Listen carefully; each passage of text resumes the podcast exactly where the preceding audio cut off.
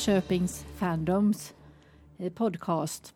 Idag så ska vi fortsätta med förra veckans eh, avsnitt och prata om robotar precis som Stockholmsgruppen gjorde. Och med mig så har jag Daniel, halloj.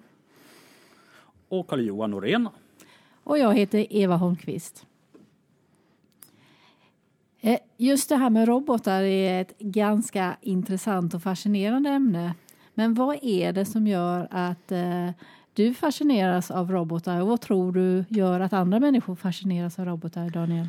Ja, ja, ja, det var en tuff fråga. Jag kan säga min fascination började faktiskt eh, med att eh, ja, när jag växte upp så såg jag på den första Transformers-serien. Det var, mi- det var det som jag började intressera robotar av. Sen har man ju följt utvecklingen och jag tycker nog att det kan vara att det, många tycker det är intressant på att det är en helt ny form av livsform. Ingen som utvecklas naturligt, det är någonting som vi själva konstruerar. Vi bestämmer vart det ska gå och så. Och vi kan även också vara lite smårädda för vart det kan gå. Kan det gå åt annat håll än vad vi har tänkt? Eller kan de sen bli för smarta och sen ta över? Vad säger du, Karl-Johan? Det är lite av det som Daniel pratar om också. Det, de är ju lite våra barn, men inte samtidigt inte som vi. Och det är den där dynamiken, den motsättningen där som jag tror är riktigt intressant. Och den kan man ju se i många av de här tidiga SF-romanerna som behandlade robotteman och sådär. Eh, Jag tänker speciellt på den som de pratade om i förra avsnittet från Stockholm. Eh, RUR av Karel Čapek. Rossums universella robotar som var en pjäs som kom och gjorde stor succé över hela Europa under 20, början på 20-talet. Eh, jag såg den pjäsen faktiskt i Stockholm för ungefär tio år sedan. Den hade satts upp av en fri teatergrupp. Och det var en ganska kul upplevelse. Mm. Det som fascinerar mig med robotar det är egentligen två olika saker. Den första tror jag är gemensam för de flesta människor. Och det är lite grann det du pratar om Carl-Johan, att robotar är något som är väldigt likt människor men som ändå inte är människor. Och då kommer naturligt den här frågan kring om ja, men vad är det som särskiljer människor från en dator och en robot? Och vad är det som eh, säger att en människa är mer värd än en robot? Och de frågeställningarna tycker jag är lite intressanta. Den andra är en rent teknisk eh, utmaning för att eh, jag är civilingenjör själv och just det där att försöka komma fram till hur man ska lösa en del av de här frågorna som hur roboten till exempel ska kunna ha en bild av sin omgivning och bygga upp en karta över omgivningen. Någonting som vi gör automatiskt som är en jätteutmaning att lösa eh, när du ska göra det för en robot. Då. Och den tekniska utmaningen tycker jag också är lite spännande. Jo då. Det, det finns ju ett eh, VM i robotfotboll som går, jag tror det var ett annat år eller sådär.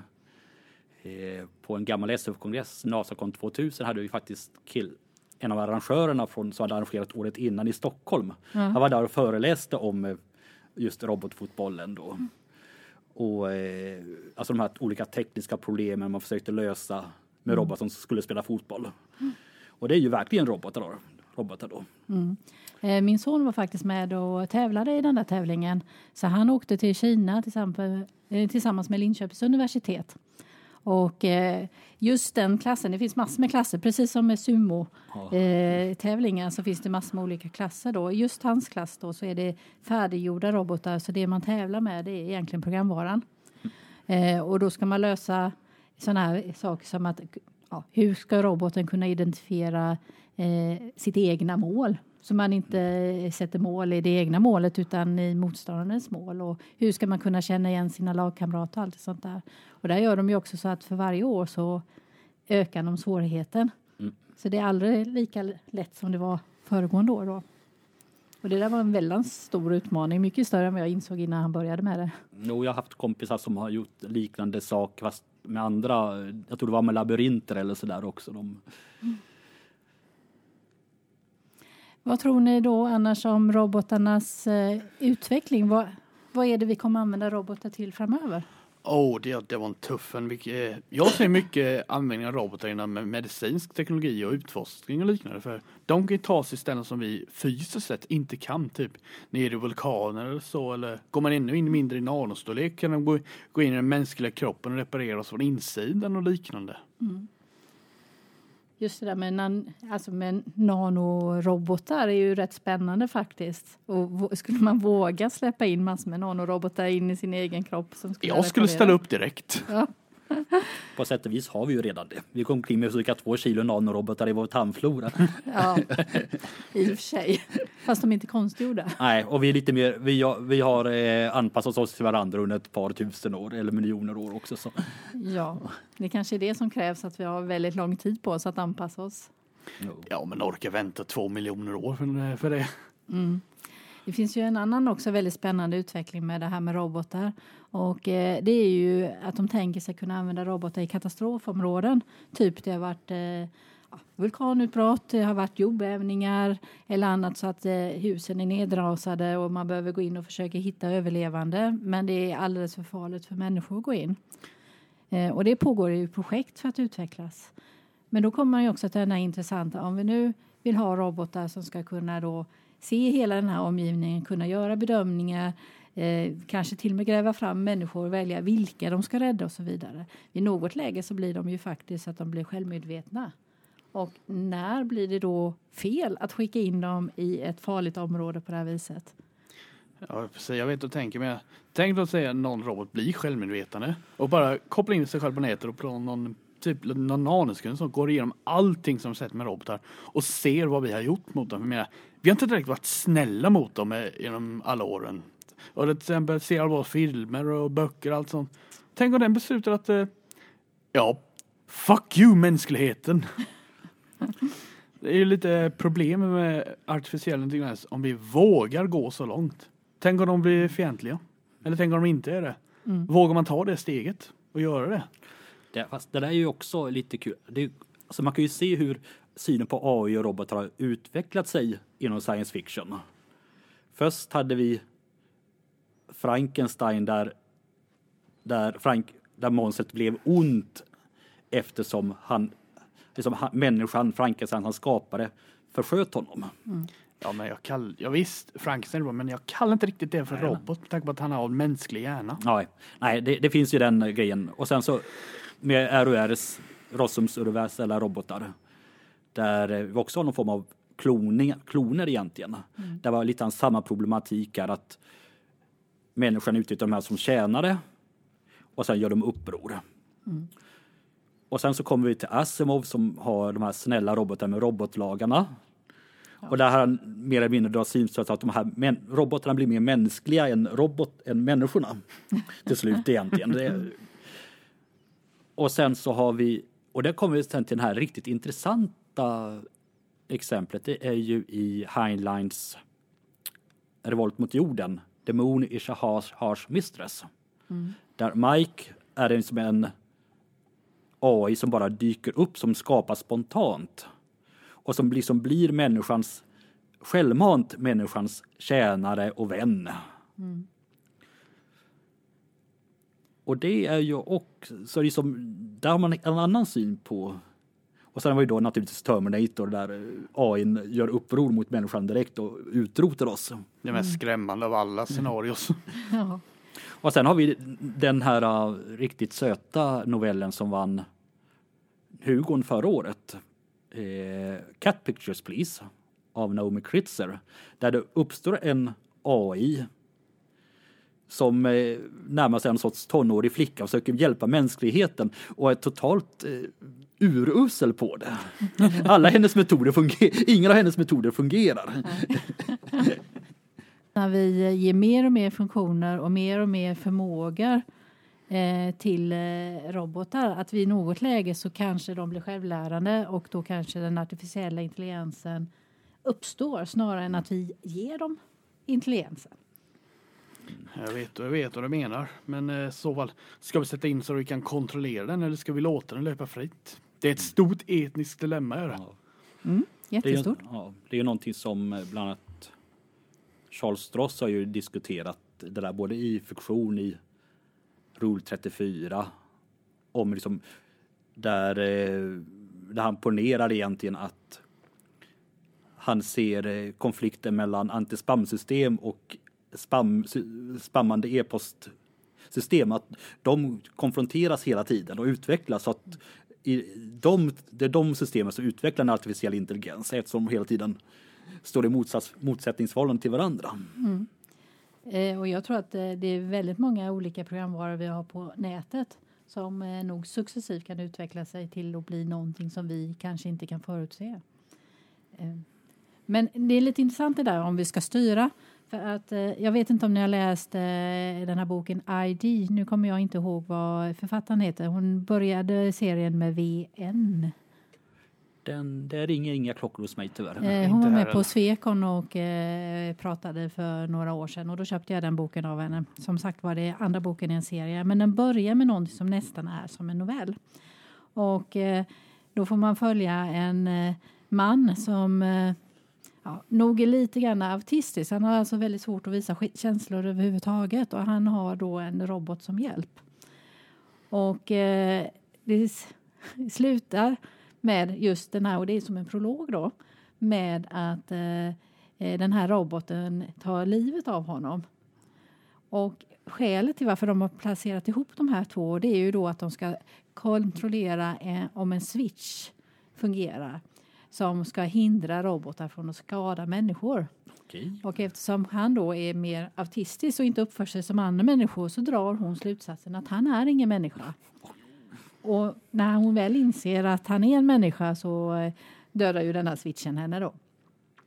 Eh, och sen handlar ju de här böckerna lite grann om just det här med att styra robotar eller inte och, och vad det får för konsekvenser. Så den är ganska intressant att läsa. Men just den där tanken att eh, om du ska ha den typen, om du tänker Asimovs lagar till exempel, att du inte ska kunna skada människor, då måste du kunna avgöra vad som är människa. Ja. Och var går gränsen för människa?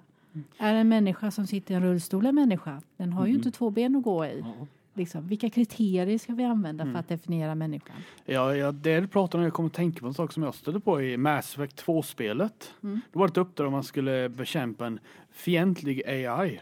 Men när man kommer in till kärnan bevisar det sig att den AI är en autistisk människa som är uppkopplad till en AI. De är, Man ser inte skillnaden längre. Var går gränsen mellan AI och var går gränsen mellan han? Mm.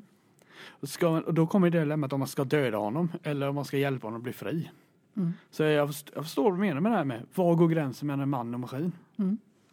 Men också vad går gränsen mellan människa och människa? För att eh, så fort vi eh, sätter en regel som säger som är baserad på att du definierar någon. Då har du det här problemet med eh, hur du lägger gränserna. Eh, det var som för många år sedan så var det en som var och pratade om bildbehandling och som eh, liksom gav det exemplet att om det är så att du vill eh, räkna hur många män respektive kvinnor som går över ett övergångsställe Ska en dator göra det så är det helt omöjligt. Eh, för att du måste då definiera vad är en man, vad är en kvinna. Och vad du än väljer så kommer du att hitta någon som egentligen är kvinna men som då maskinen definierar som man. Eh, och det har jag tänkt på lite grann sen efteråt. Och vi får ju samma problem om vi ska definiera vad är en människa. Liksom. Eh, går vi på beteendet? Ja, det finns ju människor som agerar annorlunda än andra människor. Går vi mot liksom hur många lemmar man har?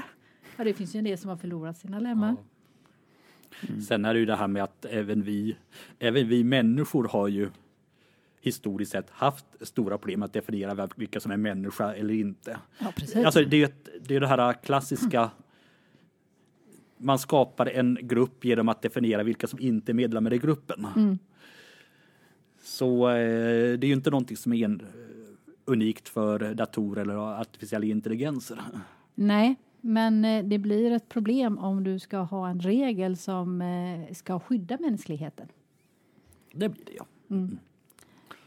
Så det, det som jag funderar på är, ja, men kan vi styra dem i så fall?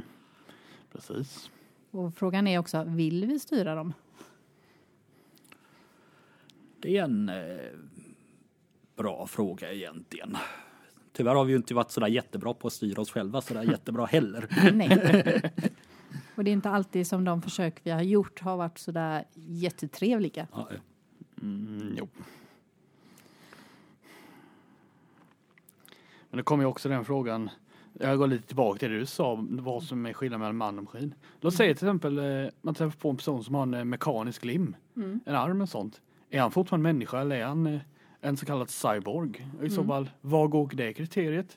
Eller är man bara har en helt vanlig pacemaker. Är man fortfarande människa eller är man cyborg då också? Mm. Eller om man bara är en hjärna i en burk som styr en stor jävla maskin. Mm. Är man människa eller är man en cyborg eller är man en maskin? Och det här blir ju mer och mer aktuellt nu när vi får fler och fler konstgjorda delar. Oh ja. Eh, och även konstgjorda delar som kanske är biologiska delar för att Ja. de har odlats fram. Ja, Vi har ju en person som faktiskt har lagligt bytt eh, så kallat lagligt klassas som cyborg. Han har Okej. en jävla slags eh, antenn med någon slags jag vet, jag vet inte vad det är men det ser ut som en jävla ufo-ögon och sånt som sticker ut i huvudet. Okay. Det står bokstavligen på hans ID, det står cyborg. Eh, vad ger det för konsekvenser lagligt undrar jag då? Jag vet inte, jag bara, jag bara såg det bara. Oh fan! Så- Eller, eller också istället eller också är det bara eh, något skämt som en gammal bekant till mig skrev yrkesrevolutionär på folk och folkbokförings eh, när du gjorde den här eh, folkräkningen vad det kallas för eh, vad kallar den eh, när man gjorde det här stora folkräkningsprojektet för några år sedan. Han skrev yrkesrevolutionär så kom det tillbaka nästa år och fick ett stod också yrkesrevolutionär. Ja. Eller någonting som bara hittar på sig själv. Men eh, Nej, men alltså, de här gränserna blir ju mindre och mindre. Och de här etiska eh, frågorna blir ju större och större. För det är ju likadant som man tänker på eh, till exempel vid abort. Så har, kan man ju tidigare och tidigare rädda ett barn. Och det har ju gjort att det har blivit etiskt svårare och svårare för att definiera när är det okej att göra abort. Ja. För när räknas fostret som en individ? nu så eh, nu har ju Therese här som är betydligt mer inläst på det här än vad jag är.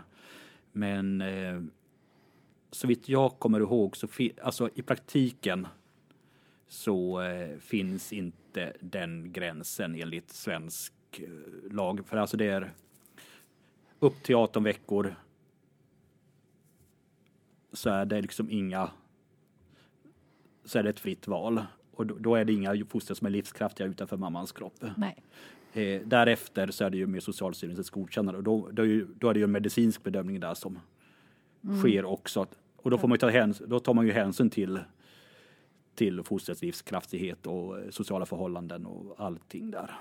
Jag tror att man också gör en intervju med föräldrarna och lite sådär. Ja, alltså det, det är ju ett ut, ganska snabbt utredningsförfarande, men det är ändå ett ut, medicinsk Mm. och psykologisk utredning där som sker. Som Mm. sker.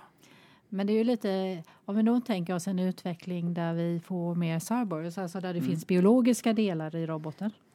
Eh, samtidigt som vi eh, människor kan eh, liksom byta ut, eh, man tappar en arm och så får man en protes. Så någonstans så kommer de ju här närma sig. Och då är det ju en lite intressant fråga om, ja, men, när räknas cyborgen som människa? Krävs en mänsklig hjärna till exempel, eller inte? Precis. Eller det måste man gå någon lite mer meta och hitta något som klassar för själ? Mm. Och i så fall, hur bevisar man det? Ja. Men nu har vi gått vidare ganska mycket det där. Eh, jag tycker en annan intressant frågeställning som man kan tänka sig framöver det är just det här med energin. För att människor vi får ju energi genom att äta. Eh, många robotar idag får ju från batterier eller andra grejer. Eh, men jag hörde en intervju med en forskare där de pratade just om att utveckla system där man kunde utvinna energi från biologisk föda. Typ till exempel att eh, roboten kunde äta ogräs och sniglar och liknande. Jag skrev faktiskt en eh, skräcknovell baserad på det. För jag tyckte det var lite intressant idé. Eh, så att egentligen så roboten skulle då få energi genom att äta precis som en människa. Ja, men det, det är ju egentligen det. Så alltså socker går ju alldeles utmärkt att använda. Jag har för mig att det redan finns. Ja, Jag har också, jag också läst Ja, att det det- finns en robot som lever på socker. Ja, så, så använder socker som är rent socker som är en energikälla, glukos. Och eh, det är liksom ingenting konstigt med det egentligen. Eh, och det, det handlar helt enkelt om att man ska se till att man har ett medium med någorlunda energitäthet som är liksom lätt överflyttbart. Mm, precis. Men tänk om man går in på det här som du sa att eh, de ska leva på biologiskt material. Mm. Då säger man skickar ut en sån robot till strid. Mm. Mm. Den skjuter ner en fiende och behöver superenergi. Vad är det som stoppar den från att ta upp fienden och konsumera den? Ja. Den lever bokstavligt talat på sina, sina offer. Ja. Eh, Det var lite grann det min skräcknovell kommer ifrån. Mm. Eh, För jag uppfann en robot som levde på mördarsniglar. Men så tog mördarsniglarna slut. Oh, Men frågan är ju också det, vad som är mest praktiskt framöver. För att eh, eh, energin är ju en bristvara. Men å andra sidan så är ju mat också en bristvara. Det här ska jag säga det mest eh, sam- sannolika är nog solkraft eller fusionskraft om vi kan arbeta vidare på det.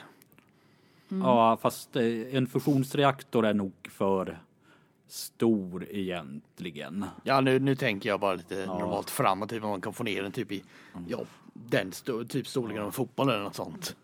Ja, det är, ja, det går kanske med att jag tvivlar väl, men det som eh, jag tänker på där, det är ju alltså någon form av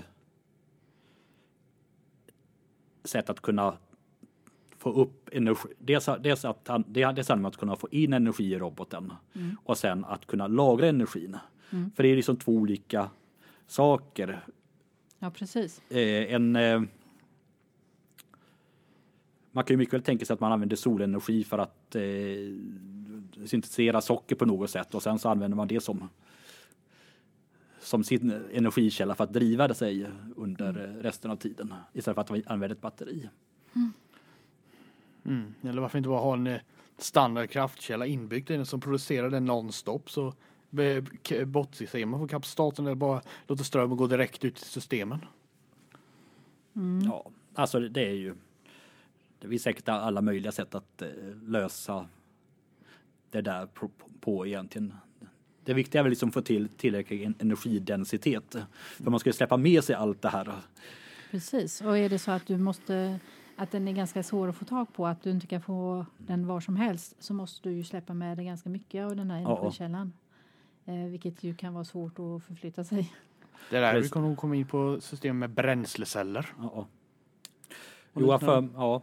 Och sen så eh, var det där klassiska problemet att skulle man frakta skulle man ha tre stycken mulor som skulle bära den här lasten eh, i en vecka så krävs det en fjärde mula som var mat till de övriga tre. Lite så. Nej, det gäller ju att det är någonting som är, helst går att få tag på eh, där man går. För det vore ju det bästa, så att man kunde fylla på energireserven hela tiden. Eller att det är förnybart på något sätt. Precis, Typ eh, vatten, vattendrivning kanske. kanske det. Jag tänkte vi skulle avsluta lite grann med att eh, var och en kanske lyfta de frågorna som ni helst skulle vilja se ett svar på när det gäller robotar framöver. Vad säger du Daniel? Ja du, det var en tuff för jag kommer på många idéer med tanke på att jag skriver mycket science fiction själv så kommer man ju på dem. Så ja, jag har tyvärr inget att säga till där. Vad säger du Karl-Johan? Det som eh, jag tyckte var roligast var en novell som jag läste bara för några dagar sedan.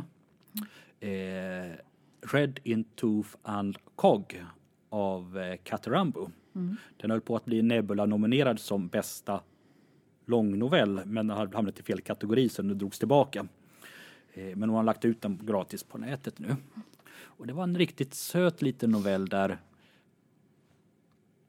vilda smårobotar, hushållsmaskiner i praktiken, eh, hade, börjat, hade blivit förvildade och börjat ta över en hel liten eh, stadspark. Och eh, stal, stal mobiltelefoner från personer som passer, gick dit och eh, plundrade dem på delar och sådär.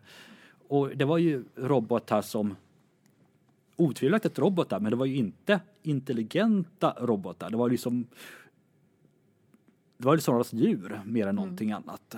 Ja, djur har ju en viss intelligens också. Ja, precis, men det är inte så, men det är inte mänsklig intelligens som vi, vi tänker på där. Så det var en riktigt eh, söt och ganska tankeväckande historia. Det kändes att den, den gick tillbaka.